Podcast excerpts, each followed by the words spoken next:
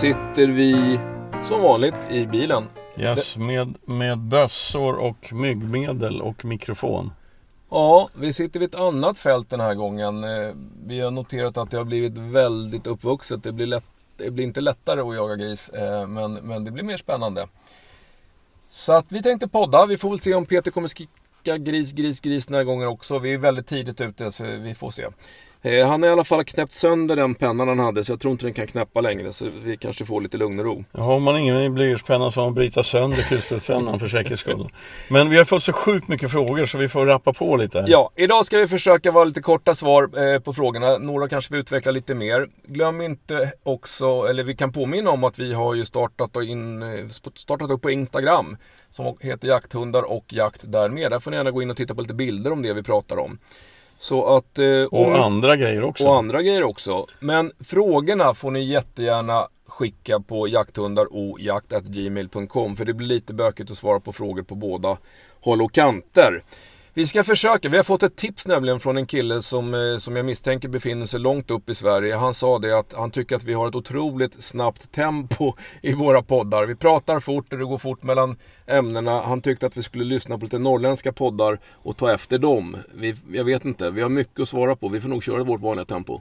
Ja, idag är det vanliga tempot. Bra, vi börjar på en gång. Vi har fått en fråga om det här med att skaffa valp när man har lite äldre hundar hemma. Det är inte alltid helt komplikationsfritt. Och eh, i det här fallet så är det Robert som har en eh, nioårig tik och en eh, kasserad gubbe på snart 14. De är imponerade av nyförvärvet, det vill säga valpen.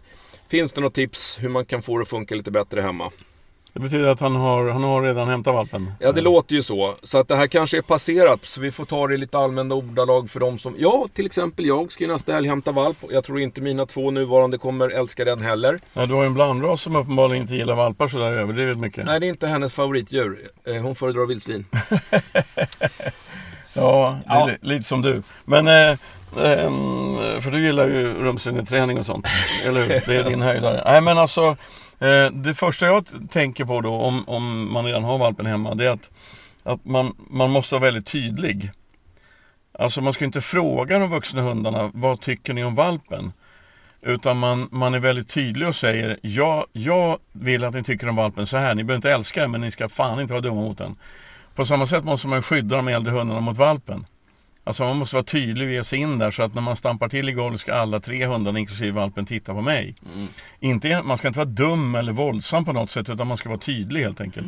Jag tycker man ska skydda valpen från de stora hundarna och skydda de stora hundarna från valpen. I början, punkt. Och sen ett annat tips då. Om, om det är så att man misstänker, som du till exempel som har en, har en bitch hemma. Eh, då kan man göra så att man kan vänja henne lite långsamt. Sitt i, gå till uppfödaren, hämta valpen, sitt och gulla, gulla jättemycket med valpen och låt valpen klättra runt på hela din kropp.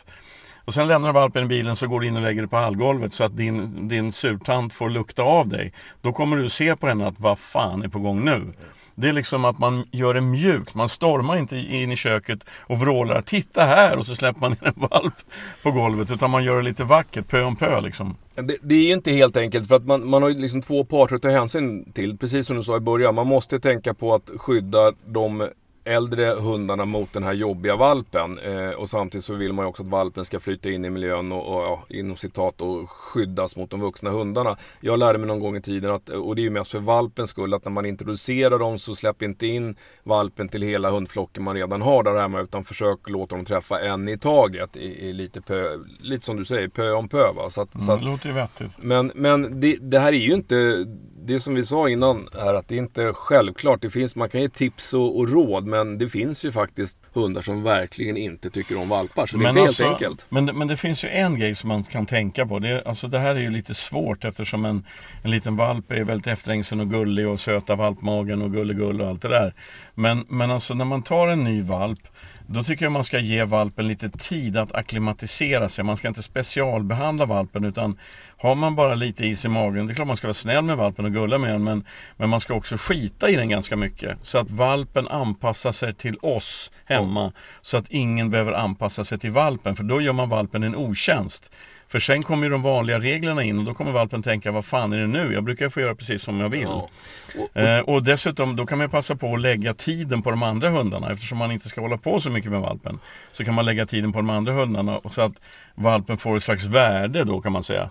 När valpen kom så blev husse ännu mer intresserad av mig. Du vet, den varianten. Ja, sen är det ju det också att, att det här är ju inget det här är ju en naturlig del, eh, naturlig del av hundarnas härkomst. Alltså de är flockdjur. De, är, de vet hur det funkar i en, i en rangordning, en hierarki. Liksom. Så att valpen kommer väl förhoppningsvis att inse att jag är sist in och minst. Jag, jag får anpassa mig. Men visst, de kan vara jobbiga ändå.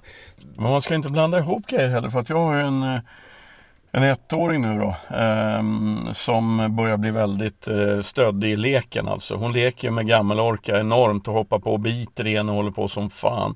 Det ser ju ut som om hon håller på att ta över typ. Men om jag slänger ut ett tuggben på golvet mellan de här två. Den här jättefysiskt vältränade valpen skulle inte överhuvudtaget ens tänka på att försöka ta det där benet först. Orka behöver bara titta på det, mm. så backar valpen. Mm. Så att att de är tuffa i vissa lägen behöver inte betyda att de är, att de är liksom generellt stöddiga. Men alltså, fan det här kan vi babbla om hur mycket som helst.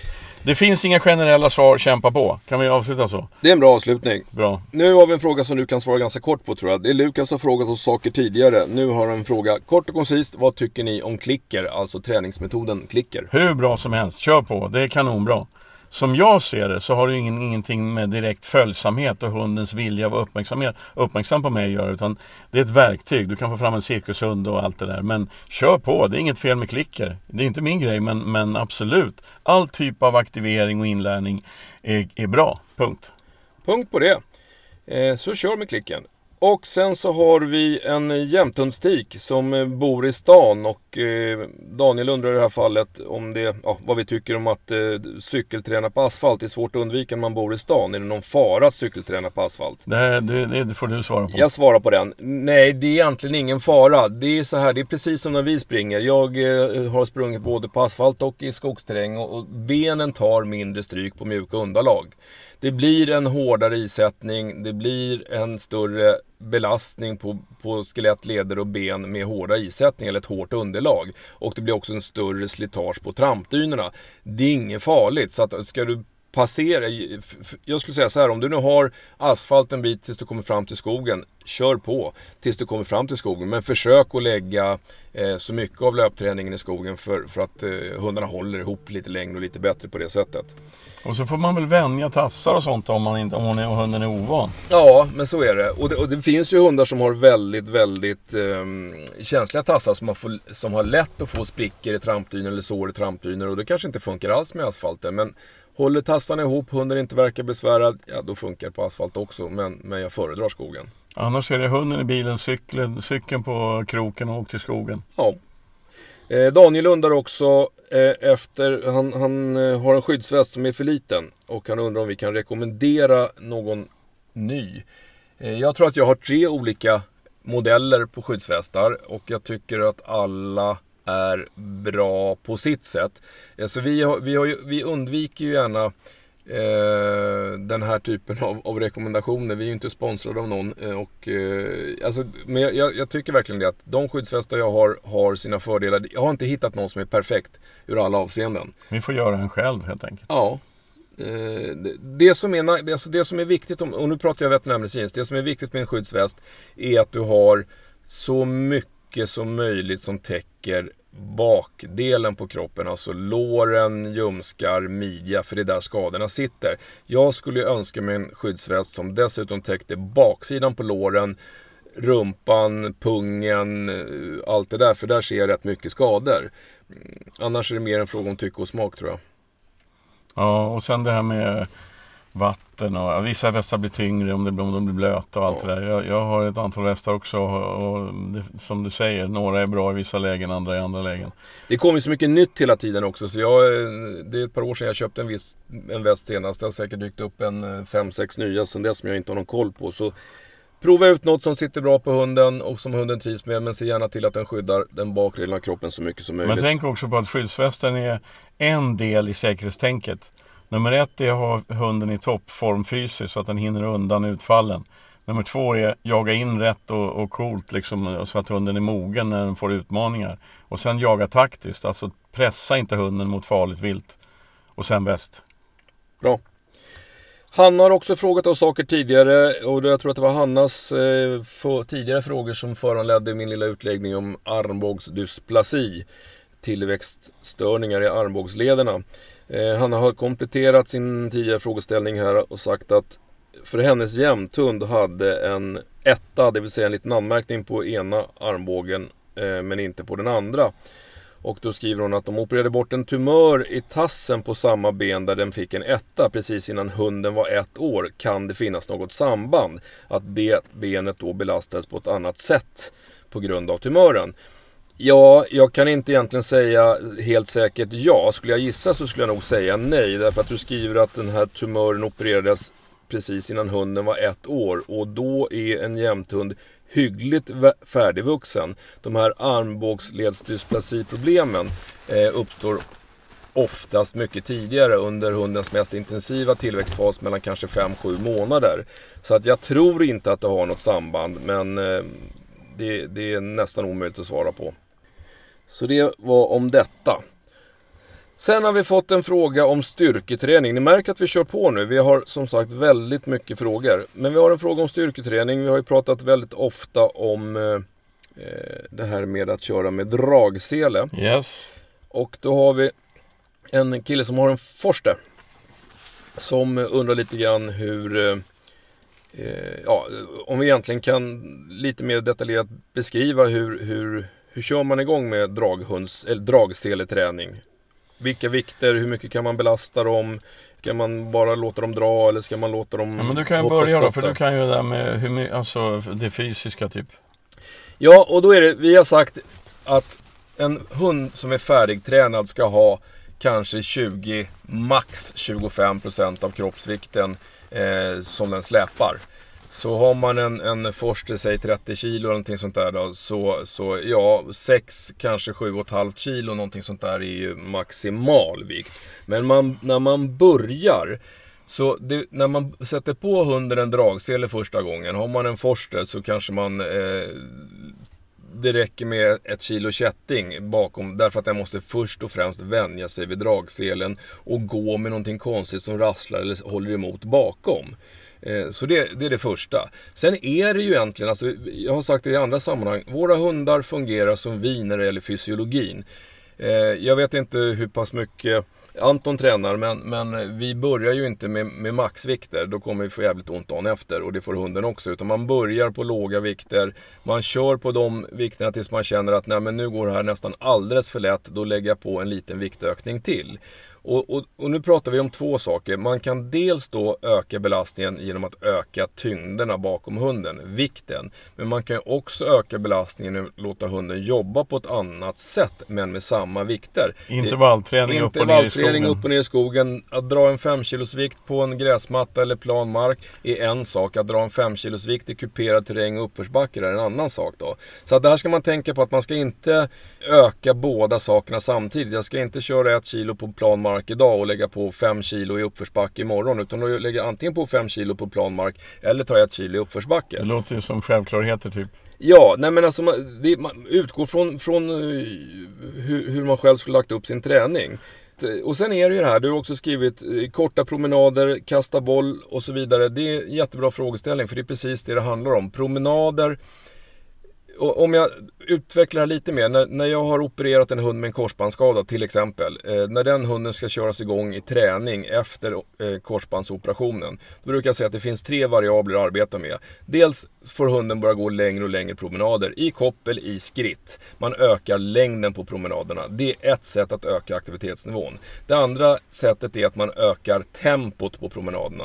Från att den har fått skritta fem minuter får hon nu bara trava fem minuter. Och sen så, så småningom får hon också galoppera kupera fem minuter. Så att hastigheten är, är det andra sättet att öka aktiviteten. Och det tredje sättet som många glömmer bort, det är en otrolig skillnad i hur hunden arbetar med sina muskler när den går på plan mark kontra när den går i kuperad terräng. På plan mark så är det en, en pendlande rörelse, man rör musklerna på ett visst sätt. Ska man börja gå över stock och sten och lyfta på fötterna och böja lederna så tränar man på ett helt annat sätt. Så Anton, jag hoppas du förstod vad jag menar. Du börjar lågt, låt hunden göra sig bekväm med selen. Sen börjar du öka vikterna och faktiskt så brukar många hundar tycka att det är lite lattjo så småningom när, när de eh, har det där motståndet. För oftast gör man ju någonting kul tillsammans med det. Men eh, och jag, alltså jag tänker så här att, eh, att ha, ha en maxtid. Alltså jag själv då när jag, nu har jag dragit igång med Orka med dragträning och då det är aldrig mer än, alltså längre tid än 20 minuter. Nej. Men jag ökar svårigheten inom de 20 minuterna.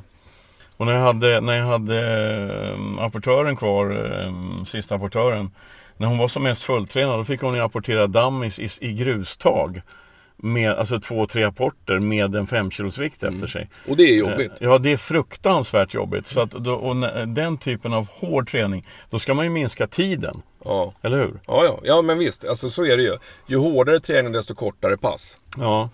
Och se till att ha mer vatten om det är varma dagar som idag. Nu kommer det någon men vi skiter i det, vi kör vidare. Så att, eh, ja men han kommer prata så mycket så Ja men han sitter ju i bilen och ser att vi håller på med dator här så han får ju ja. vänta. Men vi kan ta lite musikpaus, det har ändå gått en 17 okay minuter. Okej då. Vi okay kör. Då.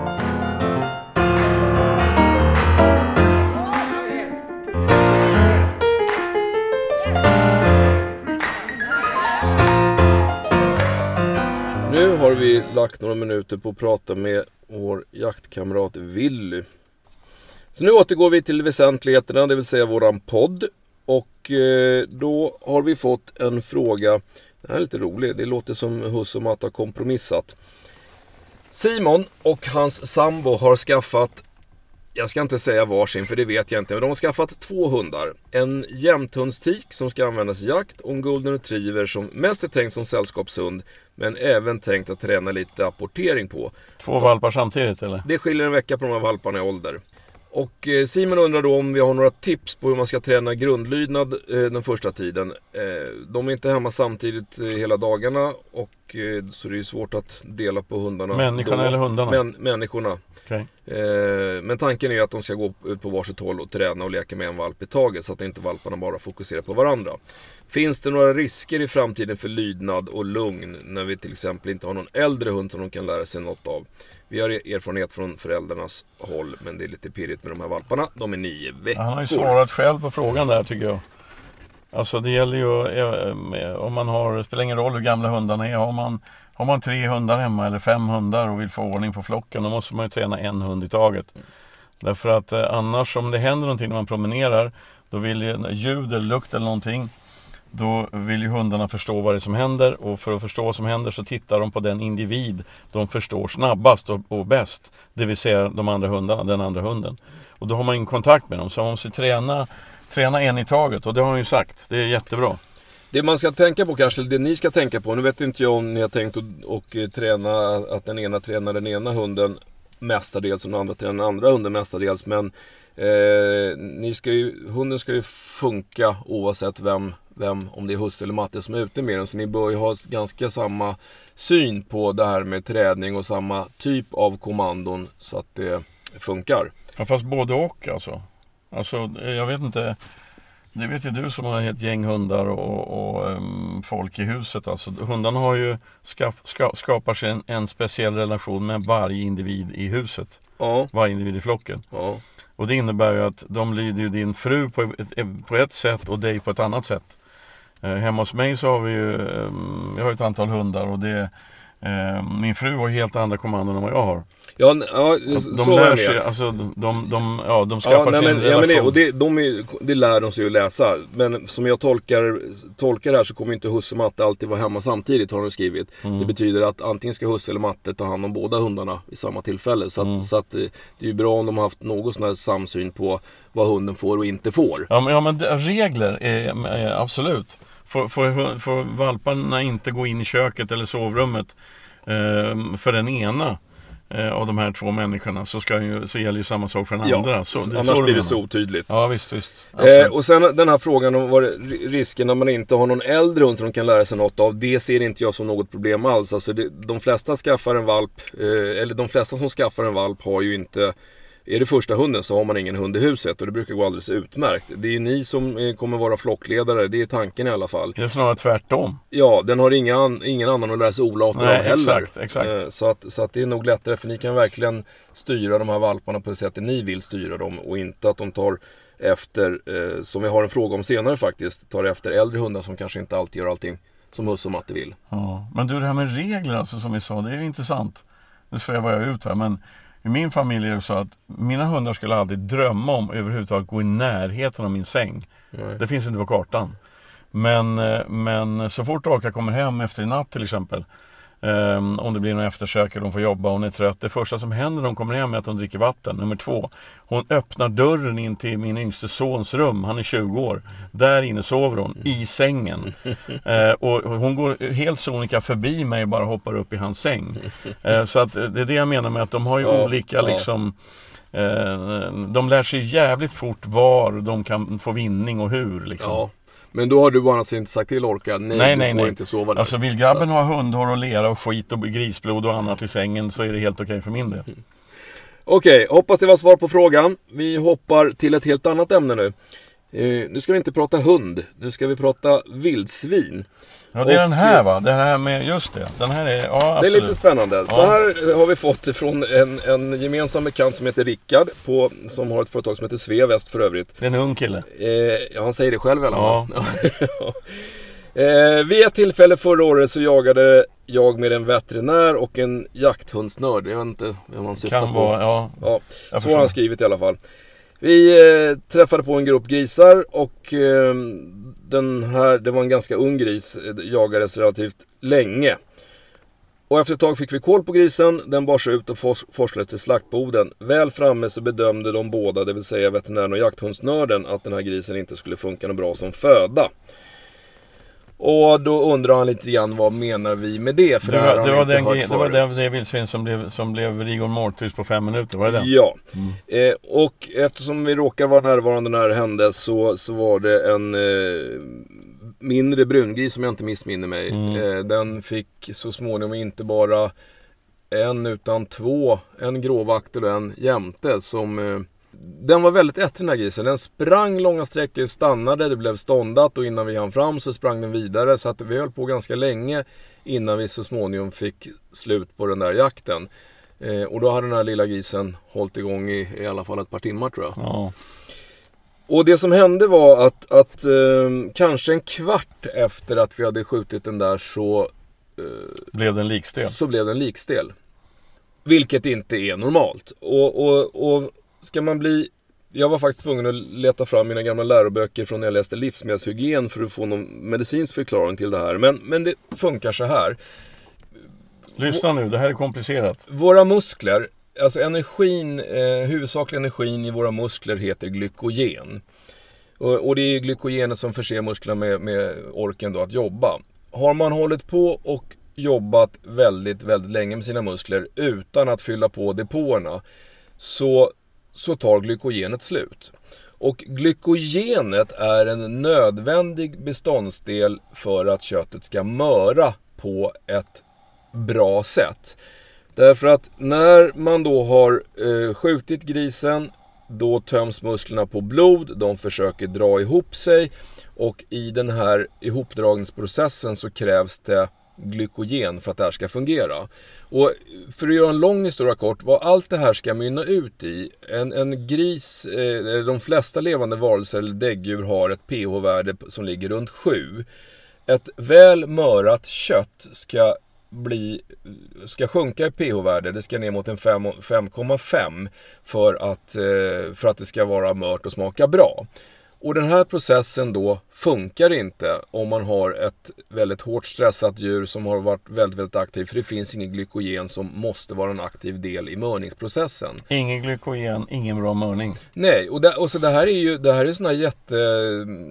Här, nu pratar vi vildsvinsjakt, men, men det här är ju också skälet till att man försöker eh, ha så stressfria miljöer som möjligt på slakterier och allt sånt där. För det finns andra beståndsdelar som kan påverka köttets smak. Man har ett stresshormon som heter kortisol som, som också kan påverka köttsmaken negativt. Och, eh, så, så att överhuvudtaget så ju mindre stressat ett djur är, desto bättre säger man att köttet smakar. Det finns testpaneler som har faktiskt testat det här. Mm. Och har man, det som kan hända med sånt här kött som inte möras eller som inte har något glykogen, det är att man får någonting som man kallar för PSE. Det står för Pale Soft and Executive, vilket betyder blekt, mjukt och vattnigt.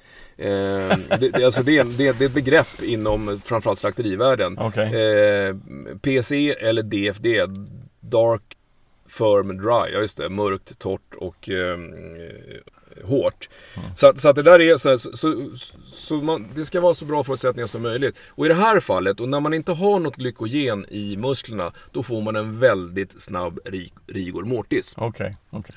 Och eftersom det var det på den här så kände ja. jag att nej, och det är möjligt, jag kan inte det här till bra. Det kanske, om den hade fått hänga i tio dagar så, så kanske det hade blivit bra kött ändå. Jag har ingen aning. Och är det nu någon slaktare eller någon som är jättekunnig på det här med kött och kötthantering och, mördningsprocesser och annat som, som eh, kan förklara det ännu bättre eller har någon annan avvikande uppfattning så hör gärna av dig eller er. För att det här är så som jag har blivit lärd och eh, som jag då har eh, anammat i den praktiska jakten. Men, men alltså det, det är lite det har att göra med naturligtvis vad, i det här fallet då, åldern på, på vildsvinet. För den här, den här brungrisen fick ju som många får då när de får långa hundar efter så får ju nästan som panik. Ja.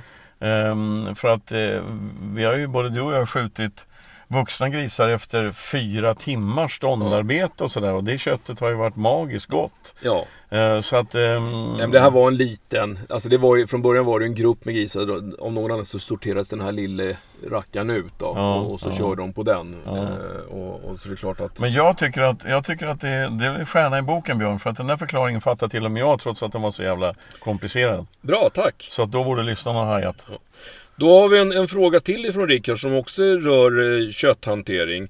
Och eh, han skriver här i, i restaurangen hittar man aldrig hängmörad gris. Eh, det kanske bara ska stå mörad för att man håller på med vätska och grejer skriver han. Eh, och nu pratar vi tamgrisar. Och frågar du 100 jägare så får du åtminstone två olika svar. Nej, grisar behöver inte hänga för att möras. Eller ja, de bör hänga. Och Rickard är en av de som tycker att grisar inte blir bättre av att möras. Och eh, ja, och så han hänvisar till din ålder och vishet här Peter. Eh, Min ålder och vishet? Ja, att du säkert också har en åsikt. Men att jag som veterinär ska ha någon veterinärmedicinsk åsikt. Ja. Och det har inte jag. Eh, därför att ehm, eh, Bortsett från det jag sa förut om hur, hur kött möras så, så har jag också, precis som Rickard, hört dem säga att ja, man behöver inte hänga vildsvin och jag vet att tamsvin på slakterier inte alls möras på samma sätt som nötdjur. Eh, däremot min kollega Torsten Mörner som är en väl ansedd och respekterad veterinär som håller på mycket med livsmedelshygien. Han säger ju med, med klarhet att han anser att allt kött mår bra av att hänga. 50 eh, dygnsgrader eller någonting sånt där. Mm. Så att eh, jag har personligen aldrig provat att inte hänga gris. Jag hänger alltid mina grisar i kylrummet. Men eh, det är samma sak här. Är det någon som har en bra förklaring eller säger att det är ingen skillnad och därför att så får ni jättegärna meddela den. Men alltså jag, jag min fru är ju kock och matskribent och så. Kan allt om det där. Alltså vi brukar ju alltså vackmöra väldigt mm. ofta. Eh, och det, det vinner man på. Alltså där, där kan jag, alltså det blir skillnad. Mm. Det vill säga man, man styckar relativt tidigt men, och vackar väldigt ordentligt och sen får det ligga i kylskåp. Eh, och fortsätta mörningsprocessen. Mm. Alltså det, det är ganska smart och, och som jag ser det spelar ingen roll vad det är för kött. Nej. Alltså om du frågar mig så, så mår allt kött bra av att möras. Jag vet att det finns massa sådana här skrönor att det är så mycket fett i vildsvin så att eh, köttet surnar. Var är hänga. det någonstans? Ja, och alltså jag har som sagt låtit vildsvin hänga ganska länge. Jag har aldrig varit med om att köttet har surnat. Så, så det, det, är nog mer en skröna. Dessutom är vildsvinskött, själva köttet är inte särskilt fett. Det kan man inte nej, säga. Nej. Ehm, Ja, vi, eh, vi vi efterlyser de som svar. Vi kan sä- det bättre. Vi, vi hänger vårt vi tycker. Eh, och är det någon som, som eh, har... Det skulle vara kul att, att prova att skjuta två grisar ikväll. Hänga den ena men inte den andra och se om vi märker någon skillnad. En käkar vi imorgon bitti, den andra om en vecka. Bra, vi provar. Det var det om detta. Då hoppar vi till helt... Nu går vi tillbaka till hundfrågor. Och då har vi en eh, kille som har, hans sambo är det väl egentligen, som har en treårig welsh. Som inte jagar. Eh, och då, den är uppvuxen i lägenhet. Den är tydligen väldigt eh, bunden till sin matte. Nu har de mm, skaffat ett boende där de har en hundgård. Och eh, då har de försökt att stoppa ut den här welshen i hundgården. Det går sådär. Hon är orolig, hon är ja, stressad men kan tydligen koppla av lika fort och sen så blir de stressade igen. De har provat massa andra saker, har stoppat in hundar som är rutinerade i hundgårdar och haft dem tillsammans med henne. Hon beter sig likadant ändå. Så, så eh, frågan är naturligtvis vad, vad kan man göra åt det?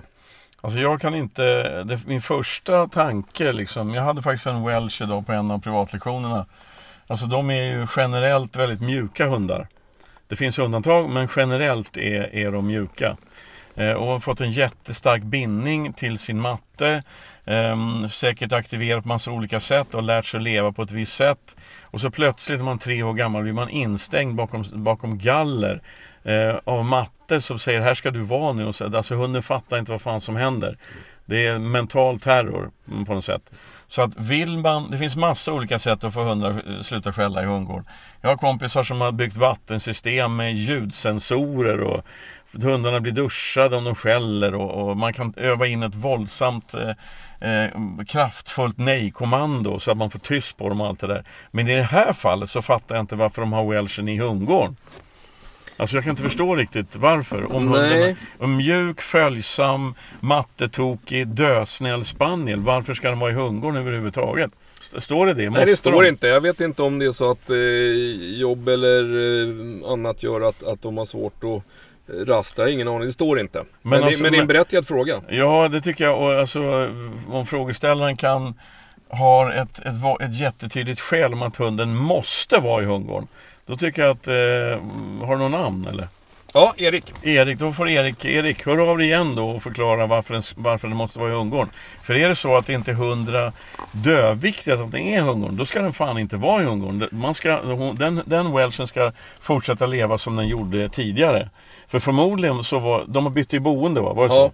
Förmodligen var den inomhus och lämnade ensam, inga problem. Den hade vant sig vid att Ja, vara den har bott i hemma. lägenhet. Ja visst. Och, och den, det funkade jättebra, liksom inga problem. Fortsätt på det spåret då. Eh, alla hundar behöver ju inte vara i samma eh, hundgård. Jag tror att det är så att hunden kan inte begripa varför efter tre års älskog med matte, närhet, eh, du vet allt det där, ska man bli, får man inte vara med matte. Fortsätt ge welshen det liv som welshen hade förut. Det vill säga ta bort förutsättningarna för problemet. Men jag krånglar till det Peter. Okej. Om vi nu tänker att eh, det finns ett väldigt starkt skäl, alternativt att eh, eh, frågan var mer generellt formulerad. Hur får man en treårig hund som aldrig har varit i hundgård att acceptera sin hundgård? Vad hade du svarat då? Man är väldigt, väldigt tydlig. Man, man backar bandet lite grann och så kör man lite lydnadsträning. Eh, framförallt så lär man in en broms. Just i det här fallet handlar det om en mjuk, snäll, vänlig spaniel. Vilket innebär att man inte brukar köra särskilt kravfylld träning för att spanien springer runt benen på en och tittar på en hela tiden ändå. Eh, Jag tycker personligen att det är svårare att få en spaniel lika följsam som jag har gamla Orka, jämthunden till exempel. För med en jämthund vet man att har man inte koll och ställer man inte krav i rätt läge, då sticker hunden. Då skiter den i mig. Medan en snäll, vänlig spaniel, då har man följsamheten på köpet. Och då ställer man inte krav. Och då menar jag inte fysiska våldsamma krav om man ska vara dum mot hunden. Utan backa bandet och lär in ett kommando som är användbart i det här läget. Nämligen nej. Nej betyder lägg av, sluta, avbryt och allt det där. Backa bandet och kör in så att man använder krav helt enkelt. Nej betyder det här för att håll käft. Ehm, det skulle jag göra. Om man är stenhård, alltså första skallet, då kräver man att hunden ska vara tyst. Men, men i det här fallet alltså, vän, akta er för för mycket. Om det inte är hundra, hundra nödvändigt att hunden verkligen måste vara i, i rastgården. Bra! Eh, återkom gärna Erik om du vill komplettera frågan. Men du har en fråga till, eller du har två frågor till. Den andra, eh, och det är samma Welsh då. Hon eh, funkar jättebra i möte med andra hundar emellanåt. Och nästa gång så blir hon helt galen. Och det verkar vara framförallt när det är hundar som hon inte känner. Eh, Eriks uppfattning är att hon inte är arg egentligen utan bara väldigt frustrerad. Och framförallt när hon inte får gå fram. För att när hon släpper fram henne så, så visar hon ofta underlägsenhet. Hon kryper ihop och lägger sig ner antar Hon vill så fort som möjligt fram till den andra hunden och säga att hon inte vill bråka helt enkelt. Ja, det låter ju lite så. Och han har... Det, han, Han har ju provat då. Han har din bok. Okej. Så han har ju testat att mota henne bakåt och ha henne bakom sig. Men, men eh, det verkar som att det slutar med att hon nästan inte är kontaktbar sen. Och det svåra med att skriva en bok och förklara saker teoretiskt det, det är att eh, då ser människor olika saker framför sig. Alltså så. Men det, egentligen är det svårt att ge råd i det här läget förutom att han måste vara ännu tydligare. Han, måste vara, alltså, han, han ska stanna i den här mötessituationen och jobba med Welchen tills hon sitter och tittar på honom. Han, han kräver helt enkelt att hon ska sluta. Alltså, det, det är säkert en mjuk hund då eftersom hon lägger sig ner och så när hon vill hälsa på hundarna. Det, ja, det, ja, det är ett jättesvårt dilemma alltså.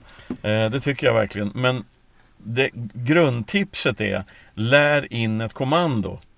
Till exempel sitt eller ligg eller vänta eller något sånt. Börja enkelt och gör det svårare och svårare, mer och mer störning och mer och mer retning. Så att, så att för att en spaniel som har lärt sig ett, ett, ett befäst kommando, då jobbar Spanien. Då bryter man liksom eh, det här intensiva, jag måste fram och hälsa eller jag måste fram och säga att jag inte vill bråka. Eh, det gör man med kommando och då måste man ge kommandot i tid innan de går upp i spinn. Man måste stoppa hunden och agera innan hon går i spinn. Och det som är smart med hundar är att de, de visar med sina fysiska signaler vad de tänker göra innan de gör det. Alltså det syns ju på hunden vad den tänker göra. Det vet ju du med Mixa till exempel. Du ser ju på Mixa hennes kroppsspråk innan hon gör ett utfall, innan hon sticker, innan hon skäller, innan hon ska ge sig på min lita och bråka. Det syns ju på henne. Eh, och, och det är då man kommer in med kommandot. Det är då man agerar. Man väntar inte tills hunden ligger som en rem längst ut i kopplet och ylar. Eh, för då måste man ta i mycket hårdare och mycket tydligare. Läs av hundens signaler innan det händer, ge ett kommando. Sitt, ligg, vänta. Eh, vad, vilket kommando han nu väljer att befästa. Eh, jag vet att det här låter krångligt. Nej, men, ja, alltså, det, jo, det kan låta krångligt men jag förstår precis vad du menar. Och jag, jag, det, du har sagt det i flera andra sammanhang också. Jag tycker att det är eh, någonting som många hundägare, inklusive jag själv, verkligen ska ta till sig. Det här att alltså, det är lätt. Man har en, en kanske lite halvmjuk, vek, väldigt snäll och vänlig Welsh eller någon annan och som är fantastiskt gullig som valp. Eh, Det är lätt att man blir lite för vek eller otydlig i, sina kommandon. Alltså man, man ställer inte riktigt de kraven på hunden som man kanske borde göra. Man är lite blödig helt enkelt. Va? Men, men, men hundvärlden, alltså, man behöver vara tydlig. Jag har ju lärt mig genom åren att, att eh, men jag är långt ifrån perfekt. Jag kan ju också vara lite för blödig med mina hundar. Men det behöver vara tydliga kommandon för att de ska förstå. Ja, man kan inte resonera med Man kan inte resonera pedagogiskt med en hund i en sån situation utan man måste vara tydlig. Ja. Det- Jag återkommer till det här med att det finns ingen gråzon i huvudet på en hund. I hundens huvud finns inte om, kanske, vi får se, jag måste fundera, kan vi kompromissa? De, de grejerna finns inte i skallen på en hund utan det är en knivskarp gräns mellan ja och nej, bra och dåligt, rätt och fel. Och, och man måste vara lite sån själv alltså. Ta- Tar vi hundspråket då, det är ganska roligt när din, din Lita, din ja, numera ettåring, men, men när hon var valp och, och en jobbig jämthundsvalp så, och träffade mina hundar. Så eh, Mixa var ju inte sådär supertydlig sin, sin kommando och, och Lita har ju hängt rätt mycket efter henne. Skilla gav ett rejält Ja, nej-skall. ja, ja. Sen fick hon vara i fred. Och har fått vara i fred sen Ja dess. visst, men så är det. Det, Eh, Så är det ju alltså. Det, så att, eh, försök att inte fastna i tankar om att eh, Oj då, jag kanske måste ge mig in i den här situationen och lösa den mitt i en brinnande situation. Utan det gäller att agera direkt alltså. yes. Vi tar Eriks sista fråga också. Har han en till? Han har en till. Han är rätt nybliven jägare. Nu ska han skaffa sin egna första jakthund och det blir en tax. Trevligt. Klokt, klokt att börja där. Yes. Och då undrar han, hur blir det nu med valpen som kommer till den här Welshen då, till sambons hund? Eh, och, och Erik vill ju inte att den ska ta efter vissa av hennes beteenden, men eh, ja, ska man, frågan egentligen, ska man försöka hålla isär dem och att han är ute så mycket som möjligt med den lilla i början och så vidare. Vi har ju delvis berört det här, men, men kör lite repetition Peter. Ja, men alltså... Um, ja, alltså det, det, är klart att han ska jobba med den här valpen bara med valpen. Absolut. Eh, sen är det jätteviktigt att valpen lajar med welchen liksom och, och, och sådär och lär sig hundspråket och finslipar hur man, hur man samtalar med en annan hängöronhund liksom och hur det funkar. Eh, men men eh, lägg, lägg tid på valp, egen tid på valpen. Se till att man har förmåga att knäppa med fingrarna och så tittar valpen på mig och inte på någon annan. Ehm, det, det, är liksom det som är tricket tycker jag. Jag har ju flera hundar. Och, och, när jag knäpper med fingrarna så ska de titta på mig och inte på någonting, inte på varandra och inte på något annat. Och det kan man bara träna in med hunden, ensam med en hund alltså. Så att eh, lägg tid på valpen. Hon, han är ju helt, helt inne på rätt eh, spår alltså. Och sen är han så jävla smart. Jag måste bara berömma honom. Han har valt en, en drivande hund med korta ben, en långsamt drivande hund. Och han är nybliven jägare. Det är ett perfekt val. Alltså det är fler som borde tänka så istället för att köpa en Össibils Laika det första man gör när man är nybliven jägare. Mm. Därför att en tax får jaga allt vilt som, vi, som är jaktbart vi får jaga i Sverige. En bra tax jagar in sig själv. Um, alltså man har jättekul med en tax och du behöver inte vara orolig för att den jagar fel vilt och fiar den i skogen och hålla på. Så det är ett smart val, grattis! Fint! Och eh, Daniel som vi har svarat på en fråga om eh, från tidigare i programmet. Han, han skriver, jag vill bara läsa det. Eh, han vill tacka för en bra podd. Enda negativa är att avsnitten tar slut för fort. Nu har vi eh, faktiskt eh, producerat det längsta avsnittet hittills i vår karriär och det är för att vi har fått så väldigt, väldigt mycket frågor inskickade till jakthundar och jakt gmail.com. det kanske blir lite längre avsnitt. Det, vi tycker att det är roligt med frågor men vi märker att vi hinner inte riktigt med dem inom rimliga svarstider. Och målet är att svara på alla som hör av sig. Jajamensan. Sen så har vi fått, och vi kommer ta upp något i nästa avsnitt. Vi får en hel del, den heter ju trots allt podden Jakthundar och jakt. Vi har inte så himla mycket jakt. Ehm, samtidigt som det är jakt hela tiden. Samtidigt som det är jakt hela tiden. Men vi, vi pratar inte så mycket om jaktfrågor. Vi kommer beröra det där lite mer och vi kommer framförallt ta upp lite mera bilder efterhand på vårt Instagramkonto. Yes. Jakthundar och jakt. Eh, med detta sagt så nöjer nu, nu vi oss. Liksom, nu är det en stunds ljummet kaffe, någon halvtaskig kaka som har legat under sätet, rasta av hundarna och jaga vildsvin. Tack för idag! Om någon, om någon frågar, frågar oss. oss.